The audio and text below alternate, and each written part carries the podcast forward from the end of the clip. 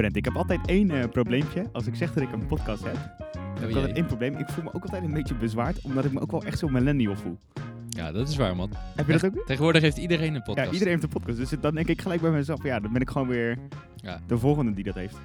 Ik dacht ook, we zijn vast heel populair straks als we een podcast hebben. Maar het schijnt dus dat iedereen dat inderdaad Ja. doet. Maar we zijn nog wel heel populair, maar iedereen doet het wel, ja. Maar, Maar- goed, Hoe onderscheiden wij ons? hoe onderscheiden wij ons? Nou, wellicht iets wat ons onderscheidt is eh, van de serieuze mensen, is dat wij weer lekker op een balkonnetje zitten. Ja, In de volle zon, ja, ja. met nog een lekker drankje. het is een heel lekker drankje. En mijn Bijbel die is ondertussen... Ik Ja. open hem in Romeinen en ondertussen zijn we al in Efeze. Oh ja, Dus als de sneller. podcast net zo snel voorbij waait, dan eh, zijn we heel gauw klaar. Nou, eh, de planning is wel om een iets kortere podcast te doen. Ja. De titel, die moeten we nog even bedenken, dus die heb jij alvast gezien, maar die weten wij nog niet. Hey, en eh, aan al onze duizenden luisteraars, fantastisch welkom weer Duizen- bij... eh, duizenden of duizenden, duisteren. ja. nee, duizenden Oké, luisteraars. We hebben dus eh, laatst een poll gedaan op, eh, op onze Vast Voedsel Facebook. Nee, Mhm. grapje, die hebben we niet, maar we hebben wel een poll gedaan. En dus 2,5 miljoen stemmen die zeiden dus, ja, we moeten over bekering gaan hebben. Ja, toen hebben wij nog een beetje uitgesteld, maar ja, 2,5 miljoen. Toen dachten we, we moeten ook weer luisteren naar het publiek. Dus ehm We zijn heel democratisch we zijn ingesteld. altijd. democratisch, ja. Dus we Nee, zijn beland bij een podcast over bekering, Brent. Ja. Ik heb wel één belangrijk punt voordat we gaan beginnen. Wat dan? Ik heb, eh, ik heb feedback gekregen op mijn, eh, op mijn podcast Kills. Oké, van wie? En dat is ja, van jou. Oh, ja. en dat is, dat mijn lach eh, is niet Ja. eh, goed. Mijn lach is gewoon onvoldoende. We hebben even geoefend. Nee, mijn lach eh, die is altijd heel stil. Dus als mensen denken van waarom is nou Brent niet aan het lachen en alleen Maurits? Kijk, Ja. mijn lach klinkt normaal een beetje alleen maar zo. Ja. En Maurits die lacht wat eh, meer hardop. Hysterisch- Dus ik, hysterisch ik heb geoefend deze weken om hardop te lachen. En ik hoop dat het deze podcast ook weer Ja, gaat lukken. nu, kijk, je weet dat ik een grote voorliefde heb voor eh, Friends. Daar ben ik natuurlijk, dat is een ja, fantastische ja. serie gewoon. Dan kan ik iedereen aanraden. Naast de Bijbel is gewoon Friends een goede bron. Ja. En daar was natuurlijk zo'n lachband. Ja, En ik dacht nog, misschien is dat nog nuttig. Ook bijvoorbeeld als ik een grapje heb gemaakt en alleen ik lach. Tenminste, dat hoort iedereen dan alleen. Dat we er dan gewoon een ja, om lachband zo'n lachband erin te gooien. Ja. Ja. En bijvoorbeeld gewoon Ja, van ja. een mannenstem en dan zeggen we gewoon dat jij het bent. Ja. Maar jij gaat dus hardop lachen. Over, daarover gesproken, ik denk dat het een hele goede carrière voor jou zou zijn om die lachband Ja, erin te ja, spreken. ja. Giechelende, giechelende jongens. Ja. Oké, hey, wij gaan het hebben over bekering, Brent. En ehm, Ja, man. eh, dat is best wel belangrijk. Tenminste, dat wil ik eigenlijk aan jou vragen. Het is echt een ontzettend belangrijk onderwerp. Ja, behalve de 2,5 miljoen mensen vind jij het ook eh, belangrijk. Kan je vertellen waarom dit eh, een interessant onderwerp is? Ik heb hier een iPad voor me liggen die eh, is ongeveer net zo uit, oud als de Bijbel zelf. Die grap hebben we ik al heb gemaakt, volgens mij. Ja, echt Ja, volgens, letterlijk mij die? die, volgens mij hebben we die bij de doop gemaakt, die grap. Oh, dan knippen we die eruit bij deze. Ja. Oké, ik heb een aantal dingen eh, waarom, het, waarom bekering gewoon zo belangrijk is. Oké, allereerst bekering. Het eerste woord wat Johannes predikt als hij op het toneel verschijnt. Oké. Bekering, het allereerste wat Jezus verkondigt als hij aan zijn bediening begint. Bekering, het eerste woord wat de twaalf discipelen prediken als ze erop uit worden gezonden. Oké. Bekering is, is de instructie die Jezus, Jezus geeft na zijn opstanding aan de discipelen.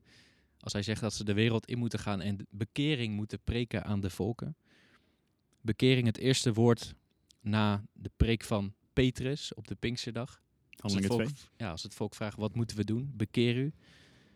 Het eerste woord dat apostel Paulus sprak tijdens zijn bediening staat in Handelingen 26, dat hij bekering preekte. Oh, ja, man. En tenslotte, bekering wordt in Hebreeën 6 ook nog eens een van de fundamenten van het christelijk geloof genoemd. Zo. Dus al met al kunnen we concluderen dat be- bekering een ontzettend eh, zijn, de, belangrijk het zijn onderwerp de is. eerstelingen van de preken van de helden van de Bijbel. Ja. Leuk. Oké, dus overal, eh, al die figuren Ja. die eh, gebruiken het dus. Ja, Jezus, Johannes, de Jezus, is dat Marcus 1 vers 15? Met eh, de tijd is nabij, het koninkrijk van God is Ja. binnen handbereik. Ja. Bekeer u en geloof het evangelie. Is dat dat Ja. verhaal? Ja. Oh ja. Dus Koninkrijk Jezus van God is nabij. Oh, ja, Bekeer u, want het koninkrijk van God is nabij. Of Johannes koninkrijk hemelen. bekering, dat is ook logisch. Die doop van Johannes, zie vorige aflevering, is ook die doop van bekering. Dat is ook logisch. Jezus predikt bekering, bijvoorbeeld in Marcus 1 vers 15. Ja. Eh, dan had je het over dus de eh, uitzending van discipelen. Is dat. Matthäus 10 Ja. en Lucas 10 volgens mij? Zou goed kunnen. Ik Ja, weet het allemaal niet uit mijn hoofd. Maar, ja, dat weet eh, ik zeker. Matthäus 10 en 11 volgens mij Lucas Ja. 10. Eh, en dan de flex, vijfde nog. kleine ja, flex. kleine flex. Ja, handelingen 2 toch? ja, ja. En dan nog Paulus in handelingen 26. Zo, ik heb dat Ja. echt goed eh, geluisterd naar jou man. Je hebt heel goed geluisterd. Heb je toevallig deze week geoefend met een practicum voor je studie? Ja, ja. Waar ik ook als uh, patiënt mag ja. spelen. Ja, want wat u moet weten is, eh, Brent en ik zijn natuurlijk eh, eh, podcastmakers, collega's van de podcast. Ja, Maar we, zijn ook, eh, we helpen ook elkaar uit bij je studies. Ja. Dus af en toe valt hij in als figurant voor mijn eh, studie psychologie en eh, wederzijds. Ja. Nou, dus je nu denkt, man. Want als je nu vrijdag denkt, zitten wij weer om voor mijn studie iets op te nemen. Nou, als je nu denkt, wat klinkt Brent toch mentaal gezond? Dan zeg ik graag gedaan. ja, ja, dat klopt. Eerst Oké. klopte daar niks van. Maar Hey, we hebben het over bekering, maar ehm, wat is bekering Ja. precies? Ik zou wel weer een klein beetje willen flexen met twee betekenissen van het woord bekering. Ja? Maar dus ik je heb ook stelt deze gehoord. vraag eigenlijk aan jezelf. Nou, ik heb ook weer gehoord dat jij weer die Griekse vertaling hebt opgezocht. Ja, die heb ik altijd wel weer opgezocht. Tuurlijk, dat is een hele, hele veilige. ja, Maar wat ik eigenlijk eerst wilde vragen. Jij zei net bekering, leuk onderwerp. Maar Oh is ja. bekering wel een leuk Oh ja. onderwerp eigenlijk? Ja, want bekering is ook een beetje offensive. Ja. Het, het- want wat we natuurlijk doen als Jezus zegt dat iedereen zich moet bekeren en al die andere figuren waar we het over hadden, het Mhm. impliceert natuurlijk dat mensen iets verkeerd doen en daarvan moeten omdraaien. Ja. Dus bekering is denk ik in onze tijd en ook bijvoorbeeld onze generatie Mhm. echt offensief. Omdat Ja. tegenwoordig zijn we zo vrij mogelijk. En als het eh, niemand pijn doet, kan je gewoon doen wat je moet doen. En wat Ja. dan ook. We hadden het er net nog even over, over dat vrije gevoel. Maar we weten, Ja. de Bijbel vraagt aan ons om ons om te draaien van zondige wegen. We weten ook dat iedereen in zonde is geboren. Dus het is echt een offensief iets, maar het hoort echt bij de gospel. Zeker man. Het is eh, inderdaad helemaal in deze tijd. Zijn mensen bijna niet meer aan te Ja, spreken op hun gedrag. Want wie ben jij om iets te zeggen over wat Ja. ik doe? En, eh, En dat noemen we dan gewoon tolerantie. Maar Ja. dat maakt het wel lastig om het hierover te ja, hebben. maar weet je, net hadden we het nog over. eh, Dat, dat tolerante, dat is wel echt een prettig iets. Omdat, ja, het is gewoon vrij. Je hoeft je niet te verantwoorden aan dingen. Maar we weten gewoon, God Ja. heeft principes als het ware. Ja. God heeft gewoon standaarden. En hij vraagt aan ons of we ons Ja. daaraan houden. En het is ook logisch als je niet in een God gelooft dat je, als je dat uiteindelijk doortrekt, dat er niks is waar je verantwoording aan moet afleggen. Ja. Dat er ook Ja. geen maatstaf is. Tuurlijk, want er is niks meer buiten Ja. jezelf. Dus dan, als je atheïstisch bent, dan is het logisch. Als, het, als het goed voelt, dan, is het ook, dan voelt het ook goed. Want wat is anders de standaard? Ja man. En daarom moeten we gewoon eerst mensen laten zien dat er een liefdevolle God Ja, is. Voordat we het over Maar daar gaan, we het zo, daar gaan we het zo nog even over hebben. Over dat eerst laten zien hoe liefdevol God is en onze houding. Hey, eh, iets anders. Ehm, dat is dus dat het zo centraal staat in de prediking van Jezus, Paulus, apostelen enzovoort. hebben. Mhm. En dat is wel goed om te benoemen. Jezus volgen is dus meer dan alleen maar of je naar voren komt tijdens een dienst met pianomuziek. Maar het is ook dat je je dus omdraait van je zondige wegen. Ja. En dat je je dus bekeert. En eh, ja, het is gewoon, denk ik wel Ja. wijs om dit gewoon weer opnieuw voor te leggen. Jezus volgen is ook je bekeren van je zondige wegen. En Ja. je je omdraaien. En dat hoort bij zijn prediking. En ook bij die Ja. van ons. Misschien is het ook nog goed om te zeggen dat bekering niet een moment in je leven is. Hoewel dat ook het geval Oh, is. ja, man. Maar da- daar hebben we het ook wel eens over als het over bekering gaat. Dat gaat wanneer kwam jij tot bekering? Eh, en dat kan natuurlijk dat er een moment is geweest in je leven dat je echt tot bekering kwam en je leven aan Jezus gaf. Geweldig. Maar als wij het hebben over bekering, deze podcast gaat het over het leven van Ja. bekering eigenlijk. Een dagelijkse bekering. Ja man, want het is niet, dus niet één moment van ik ben tot geloof gekomen op mijn 16e, Nee. toen heb ik me bekeerd. Was het maar zo, ik bedoel, eh, maar we weten, we doen nog steeds zonde. Nou, eh, Brent, nog één ding en dan duiken we erin. We zijn weer veel te lang bezig met die intro, want we willen een pot. Is het nog de intro, podcast joh? Oh, Ja, dat weet ik eigenlijk niet, weet ik eigenlijk niet. Ehm, kijk, het theologisch boek, dat lees je natuurlijk om twee redenen. Eén is je leest het omdat je gewoon meer van theologie wil weten. ja. En twee is je leest het ook een beetje omdat het gewoon stoer is, toch? Je hebt een theologisch boek gelezen, ook een beetje stoer. Oh ja, ik weet niet. Ja. Nou, terwijl ik gewoon en een beetje leerde van theologie en me een beetje stoer voelde en ontwikkeld voelde, ehm, kwam ik vier Latijnse woorden op het spoor. oh ja. Namelijk, oh ja? Oh ja, ik heb wel een beetje Ja, verteld. jij dat zat net al eenmaal eh, te flexen dat jij dit ging doen. Maar ik ga, het, ik ga het opnoemen en ik kan me voorstellen dat jij al wel eh, iets ervan weet. Maar misschien mag ik de vertaling raden. Ja, ja, daarom, dat bedoel Oh ik. Dat bedoel ik. Ecclesia Reformata, Semper Reformanda. Ecclesia, dat is de kerk. Kijk. Wat zou je doen? Refor? Ecclesia Reformata. Als je mij een beetje kent, dan weet je toch al wat, wat het is. Semper Reformanda. De gereformeerde kerk Ja. is in nood voor een reformatie. Ah, Oftewel, dat past bij dat, vind ik echt heel mooi iets. En trouwens, ik dacht dus dat dit kwam na de reformatie, na dus de 16e eeuw dat dit werd gezegd. Alleen, mhm. dit komt dus als het goed is van Augustinus vandaan. Dat is wel Oh. interessant. Ik dacht dat heeft gewoon te maken met die reformatie, maar Ja. een gereformeerde kerk, dus een kerk die een reformatie heeft meegemaakt, die is in nood om opnieuw gereformeerd te worden. Ja. En dat is dus collectief zo voor de kerk en ook voor ieder individu. We zijn bekeerd en we zijn in nood voor bekering. Want Ja. als er nog wegen in ons hart zijn die niet correct zijn, dan moeten we gereformeerd worden. Dan moet er weer die reformatie, Ja, die ja. herstelling plaatsvinden. Ja man, we moeten allemaal hè? gereformeerd worden. Ja, mooi. Bedankt. Maar dit waren de vier woorden? Of? En dit was het al. Oh, oké. Het was eigenlijk een zin dus. Ik dacht dat je vier losse had. Nee, nee, een zin, een zinnetje. Oké man. Dankjewel voor deze Ja, toevoeging. graag gedaan. maar het zeker, dit is absoluut waar, man. Maar het is gewoon gek om te bedenken dat nu 2,5 miljoen Nederlanders gewoon vier eh, Latijnse woorden hebben gehoord. Wil Goed. je eens nog één keer herhalen voor de luisteraar? Ecclesia reformata, semper reformanda. Ja. Amen. Hey, eh, wat is betekenis? wat- sorry, wat is bekering precies? Kan je daar wat over vertellen? Jazeker, man. Ehm, wil je Grieks of Hebreeuws? Grieks. Grieks. Het Griekse woord voor bekering, wat over het algemeen wordt gebruikt in het Nieuwe Testament, is metanoia. Dat ken je denk ik wel. Daar hebben we wel eens vaker eh, misschien wel over gehad. Nou, zeker. En wat betekent metanoia? Wat het letterlijk betekent, terwijl ik mijn Bijbel even vasthoud omdat de blaadjes allemaal omwaaien. Ehm, de betekenis van metanoia is gewoon letterlijk dat het gaat om een verandering en specifiek een verandering van ons denken. Oké. Dat is gewoon in de kern wat bekering is. Vernieuwing van denken? Vernieuwing van denken, maar eigenlijk gewoon verandering van Oh denken. ja. Vernieuwing, verandering. Ja, ja. Hetzelfde, denk ik. Bekering, verandering van denken. Dat is dus het. Griekse woord. Dus dat is het Nieuwe Testament voor bekering. Metanoia. Metanoia, oké. En nu heb je ook Ehm, nog Hebreeuws up your sleeve. Ja, dan moet ik even uit mijn hoofd bedenken wat het is. Oké. ja, ik weet wel de betekenis in ieder geval ervan. Vertel. Nou, volgens mij is de betekenis van het Nieuwe Testament voor bekering, nou dat is dus dat Griekse woord Nieuwe Testament Grieks, Ja. is dus vernieuwing van denken. En ik dacht dus altijd dat de betekenis van het Oude Testament voor bekering het omdraaien was, het omkeren was. Ja. Waarvoor dat woord bekering natuurlijk, eh, Ja, klopt. Het omkeren naar God of het terugkeren naar Ja. God. en dat klopt hè, dat is. Oude Testament. Ja. En Nieuwe Testament is dus vernieuwing van denken. Nou kijk, nu zou ik dus zeggen, maar jij moet mij even aanvullen, dat past er goed bij. Omkeren is iets uiterlijks en in het Nieuwe Testament wordt het dus een vernieuwing van denken wat innerlijk is. En dat past wat Mhm. mij betreft een beetje bij de trend waarbij in het Nieuwe Testament je van binnen naar buiten gaat leven. Ja. Vind je dat een beetje logisch klinken? Ja, dat denk ik ook. Het, het, is, het begint natuurlijk van binnen. Dat is het sowieso. Ja? En uiteindelijk wordt het uiterlijk zichtbaar. Want we Precies. moeten ook de vruchten van de bekering voortbrengen. Oké, dus Ou- Oude Testament is omdraaien, Nieuwe Ja. Testament is vernieuwen van denken. Ja. Ehm, kan je daar ehm, iets concreter over vertellen wat dat precies dan inhoudt? Oké, laten we gaan naar eh, Romeinen 12, vers 1 en 2. Oké. Die pak ik er even bij. Ik had hem net open, maar nu niet meer. Ja.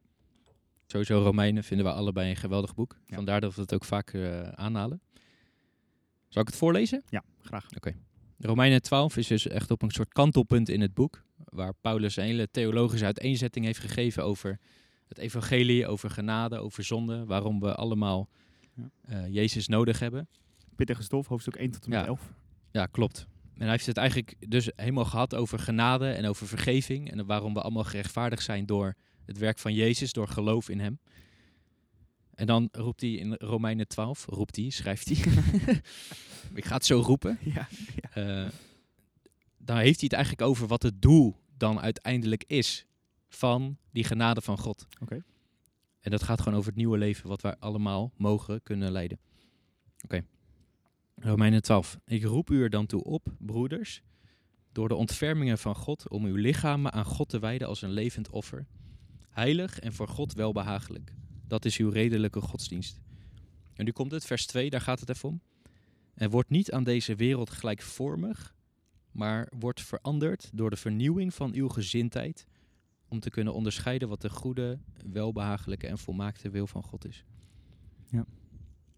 Oftewel, het doel van Gods genade is dat we niet gelijkvormig worden aan deze wereld. Niet dat we vergeven zijn en dat dat het is. Nee, het doel is dat we worden veranderd door de vernieuwing van onze gezindheid. Ja. En onze gezindheid, dat is ons denken, ons verstand, onze emoties, ons gevoel. En bekering is dus... Bekering is dat we onze gezindheid gaan vernieuwen. Dat we onze Ja. gezindheid gaan veranderen. Hoe we denken, hoe we denken over goed en kwaad. Hoe we leven. ehm, Oké, en, even- bijvoorbeeld even concreet. ehm, ik ben, stel voor, ik zou, eh, ik zou een tiener zijn en ik bijvoorbeeld eh, ben, eh, heb hele veroordelende gedachten naar andere mensen. Ja.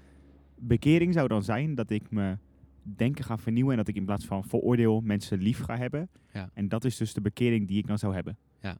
Oké. Ja, bekering is dat je je denken gaat aanpassen op de waarheid van God. Oké, ja.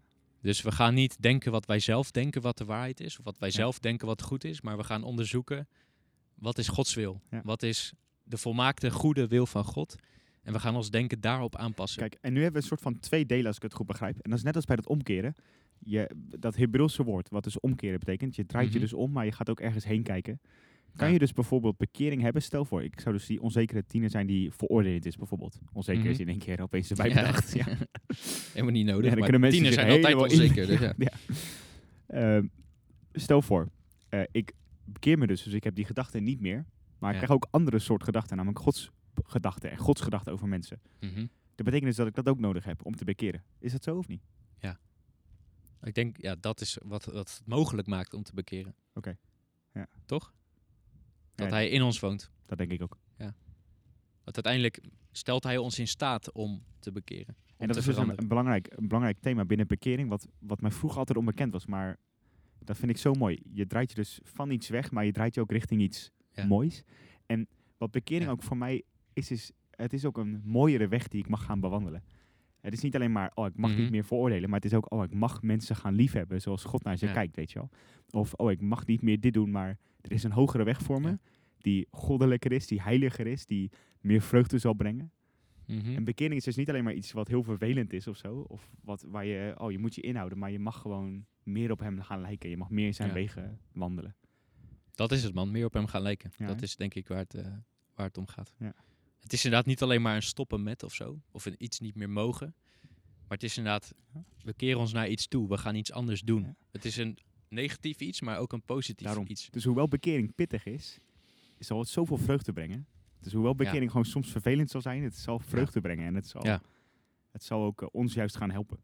Daarover gesproken. Kijk. Uiteindelijk wat het doel van bekering is, als we het daar toch over hebben. Van waarom doen we het eigenlijk? Handelingen 11 vers 18. Daar staat dat bekering leidt tot het leven. Wow, wat mooi. Bekering leidt, Machenter zei dat laatst ook in een preek, bekering zal altijd leiden tot leven in volheid. Bekering leidt altijd tot leven zoals het is bedoeld. Ja, man. Ja, ja tuurlijk. Want, want dat Ja. is, ja, daarvoor bekeer je. Bekering brengt, Ja. be- eh, brengt, brengt ons op het pad dat we horen te bewandelen. Ja, man. Ja. Bekering brengt ons altijd dichter bij God. Brengt ons altijd dichter bij het leven zoals het is bedoeld. Ja. Brengt ons altijd dichter bij Jezus. En uiteindelijk is dat het doel, dat we dat leven, wat Jezus ook zegt, Johannes 10, ik ben gekomen om jullie het leven in volheid te geven. Ja. Dat is uiteindelijk het doel. Dat we dat leven steeds meer en meer gaan leiden.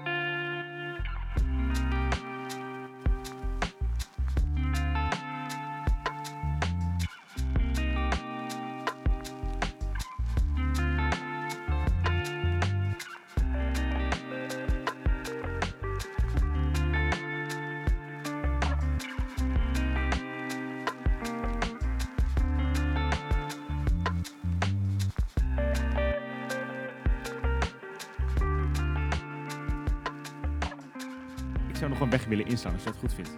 Ja. Eh, namelijk, we hebben het wel eens over de vrucht van bekering gehad. En ook in Mhm. de, Oh ja, ja. de tekst over de doop van onze laatste twee afleveringen ehm, ging het over die vrucht van bekering, waar Johannes het over heeft. Kan je daar wat meer over vertellen? De vrucht van- van bekering, dat is inderdaad iets wat Johannes noemt. In het begin van de, de evangeliën Ja. van Matthäus en van Johannes zelf. Johannes. Hij is wel pissig daar, hè? Ja, hij is wel fel. Hij is echt fel. En dat is dat hij inderdaad aan het prediken is. Hij trekt rond, hij doopt mensen, doop van bekering. Waar we het de vorige podcast over hebben gehad. Ehm, en dan komen ook de fariseeën en die willen zich ook laten dopen. Ehm, en dan zegt hij eigenlijk, komen jullie om het oordeel van God te ontvluchten? Om de toorn, de komende toorn van God te ontvluchten? Denken jullie dat jullie de toorn van God kunnen ontvluchten puur omdat jullie kinderen van Abraham zijn, zegt hij eigenlijk. Denken jullie dat dat genoeg Ja. is? En dan Dat zegt hij toch ook uit de stenen, kan, God kan zelfs uit stenen kinderen van Abraham maken. Ja, ja. Oftewel, waarom sta je hiervoor op je Ja. erfelijkheid? Alsof dat, alsof dat Ja. iets zou toevoegen. Ja. En dan zegt hij, breng dan vruchten voort in overeenstemming met de bekering. Ja. En in een andere taling, eh, vertaling staat er volgens mij, breng dan vruchten voort die passen bij een nieuw leven. Ja. Ondertussen hoor je misschien eens een heli op de achtergrond. Ja. Ik weet niet wat hier allemaal in skies gebeurt, maar dan weet je Eh, dat. Politiechopper. Echt? Ja, we zitten natuurlijk in het wilde westen van Rotterdam. Ja, ja. Oké, ja, maar dus die- het gaat die- uiteindelijk, bekering Sorry, kun gaat... je nog even die, die andere vertaling? Die hoorde ik even niet goed, want ik was even met Oh, die heli bezig. Jij was even afgeleid. Ja. Ehm, breng dan vruchten voort die passen bij het nieuwe leven. Oh, die ja. passen bij een Oh, nieuw leven. Ja. En het is ook zo, Jezus wil ons nieuw leven geven. Jezus wil een nieuwe schepping in ons beginnen. Ja. Wij worden ook deel van die nieuwe schepping. En stap twee is dat we gaan leven zoals die nieuwe schepping. Ja, man. En dat is ook waar Paulus het over heeft in Romeinen. Dat we onszelf ten dienste van God moeten stellen. Dat we onszelf als een instrument aan Hem moeten geven. Ja. om goede werken te doen, om goede dingen te doen. Ja. Want dat is uiteindelijk wat genade mogelijk heeft gemaakt. Dat zonde niet meer in de weg staat, maar dat we een nieuw leven kunnen Ja, leiden. man. we leven door de geest. We zijn opgestaan uit de dood samen met Jezus toen we tot geloof kwamen. Maar er zijn heel veel mensen die leven wel door de geest, maar die wandelen nog niet naar de geest. Ja. Ik zelf ook. Moet het ook persoonlijk houden. Ik doe dat. We hadden het er laatst nog over. Ja. Dat ik gewoon veel meer nog een leven van bekering wil leiden. We leven door de geest. We zijn opgestaan in een nieuw leven. Maar we moeten ook vruchten voort gaan brengen in overeenstemming Ja. met dat nieuwe leven. Ja. Maar mijn vraag aan jou: wat zijn dan die vruchten? Wat vruchten klinkt een beetje vaag, toch? Wat we, hoe- Ja. Je hebt natuurlijk de vrucht van de geest, maar Oh ja, ik heb, ja, toevallig, ik heb hier toevallig een tijdje geleden over nagedacht met een vriend van mij, voor mijn dispuut. Oh. Em, die vrucht van bekering, je zou bijna zeggen dat is bijna het tegenovergestelde van wat dus de zonde is die je hebt begaan. Bijvoorbeeld de vrucht van bekering. Ik weet niet, misschien hebben we het hier wel een keer over gehad zelfs. Maar in ieder geval de vrucht van bijvoorbeeld Mhm. eh veroordelende gedachten is dat je juist die mensen gaat liefhebben. En dat je kijkt naar die mensen Ja. zoals God naar je kijkt. De vrucht van je bekeren van bijvoorbeeld eh zonde van lust is dat je juist trouw zal zijn en juist rein zal zijn en rein zal Mhm. denken. Ja. Zeg ik dat goed zo? ja, Want- dat denk ik wel. Nou, ik weet niet of we het hier nou een keer over hebben gehad, maar toen hadden we het over wat is nou de vrucht van je bekeren van dronkenschap. En, Oh ja, ja. en waar we volgens mij op uitkwamen, ik weet niet of ik dat ook met jou heb besproken toen, is het tegenovergestelde van dronkenschap is zelfcontrole. En dat is zelfbeheersing. Ja. En jezelf Oh ja, in, mooi. in bedwang houden, als het ware. Ja. Oftewel, Nou, ik me ook zo... een vrucht van de geest toevallig. Ja, ja, ja, ja, ja. Ja. Oh, heel mooi, ja. oh, dat is echt mooi, ja. Galaten 5. Ja. Nou, dus ik zou zeggen, die vrucht van bekering is dat je juist in het tegenovergestelde gaat wandelen, wat dus Ja. de manier van God is. En wat ook leven brengt is. Ja, en dat laat ook zo mooi zien dat het dus om omkeren gaat. Ja, ja. Het, is, het, is dus alleen, het is dus niet alleen stoppen met liegen, het stoppen is met stelen, maar het is ook iets anders gaan doen. Ja, en een goed voorbeeld is inderdaad stelen. In plaats van dat je niet meer steelt, ga je, Ga je geven. iemand worden die vrijgevig is. Ja, Ja. dat is echt prachtig, man. Efeze 4, als je mocht de luisteraar dit willen opzoeken, daar wordt dit zo duidelijk uitgelegd. En daar heeft Paulus het over dat we de oude mens moeten uittrekken en dat we onze nieuwe mens moeten aandoen. Ja. En hij vergelijkt het eigenlijk met kleding, dat we kleding aantrekken. En dat komt omdat in die tijd kleding stond gewoon, dat betekende gewoon je gedrag. De kleding die je aan had, dat was eigenlijk de dingen die je deed. Daar Ja. kleed je je mee. Ja, kon, ja, dat, En dus stel voor, eh, stel voor, ik zou dus een onzekere tiener zijn. Ik was ook echt vroeger onzeker. De vrucht van bekering daarvan, want ik weet dat is gewoon niet Mhm. juist dat ik zo dacht over mezelf. Ik moest me daarvan bekeren. De vrucht daarvan is dat ik nu gewoon van mezelf hou en dat ik dankbaar ben voor hoe hij me heeft gemaakt. En hoe ik er Ja. bijvoorbeeld uitzie en, en wat hij me heeft gegeven aan talenten en, en wat ik niet goed kan. Ik ben gewoon dankbaar voor mezelf. Ja. En de vrucht is dat ik dus kijk naar mezelf hoe God naar me kijkt. Ja, mooi man. Ja. Het is ook gewoon inderdaad voor je eigen leven persoonlijk. Ja. Hoe je over jezelf denkt. Ja? En ook bijvoorbeeld als het gaat om vergeving. Ik heb ook nog wel tijden gehad dat ik me echt schuldig voelde tegenover God. Dat ik twijfelde of ik wel vergeven was. ja. En dat Oh, zijn ook mooi. gewoon dingen waar we ons van moeten Exact. bekeren. Exact. Want kijk, anders voelen we ons slachtoffer van dat soort gevoelens. Maar het is ook dat we dat toelaten in onze gedachten. Ja, en dat is ook een hele belangrijke. Wij zijn de baas over onze gedachten. Wij zijn de baas over ons eigen denken. Want de Ja. Bijbel heeft het heel vaak over. We moeten ons denken vernieuwen. Ja. We moeten gedachten gevangen nemen en aan Christus geven die niet ons opbouwen. En een belangrijk punt wat ik nog wil maken is dat wij bij bekering vaak denken aan zonde. We moeten ons bekeren van zonde. Maar bekering heeft niet alleen maar met zonde te maken. Bekering gaat bijvoorbeeld ook om ehm, het gewoon verkeerd denken. Het, het denken wat niet in lijn is met de waarheid van God. Dus bijvoorbeeld wat ik noemde.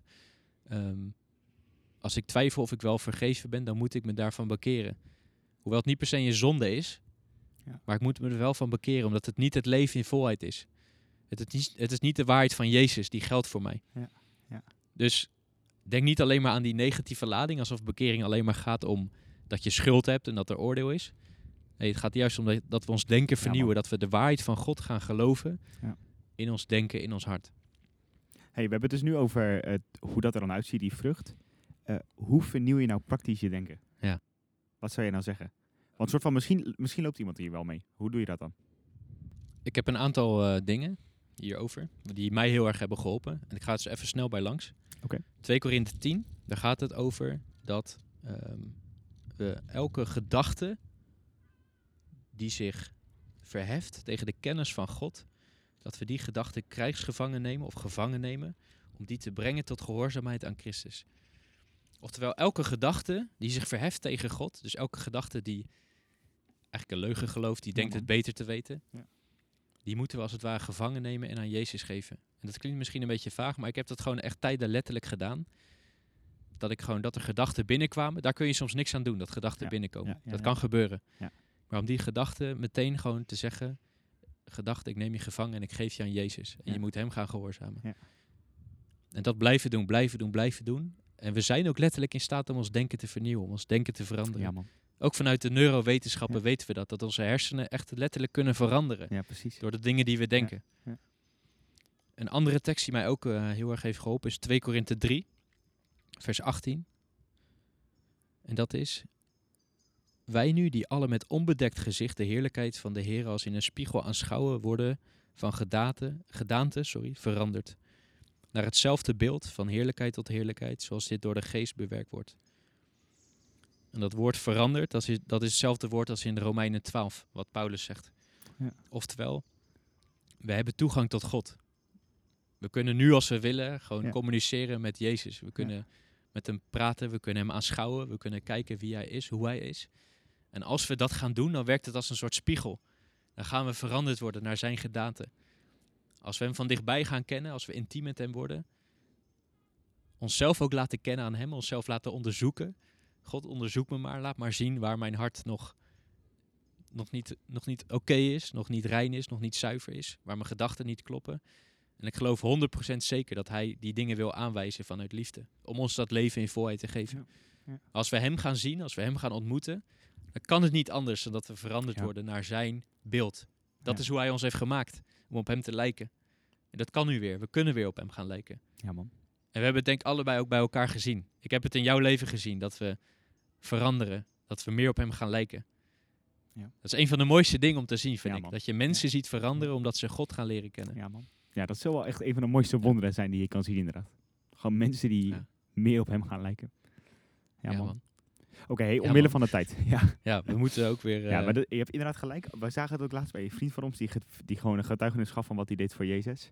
Hm. En dat we zo onder de indruk waren van hoe God gewoon mensen kan veranderen. Ja. Echt geweldig, man. Hey, als Ja. je dit dus luistert en je bent bijvoorbeeld onzeker of je bent... eh, we hebben best wel een groep eh, tieners die luisteren of juist ouderen die luisteren. Want we kunnen al die stats zien.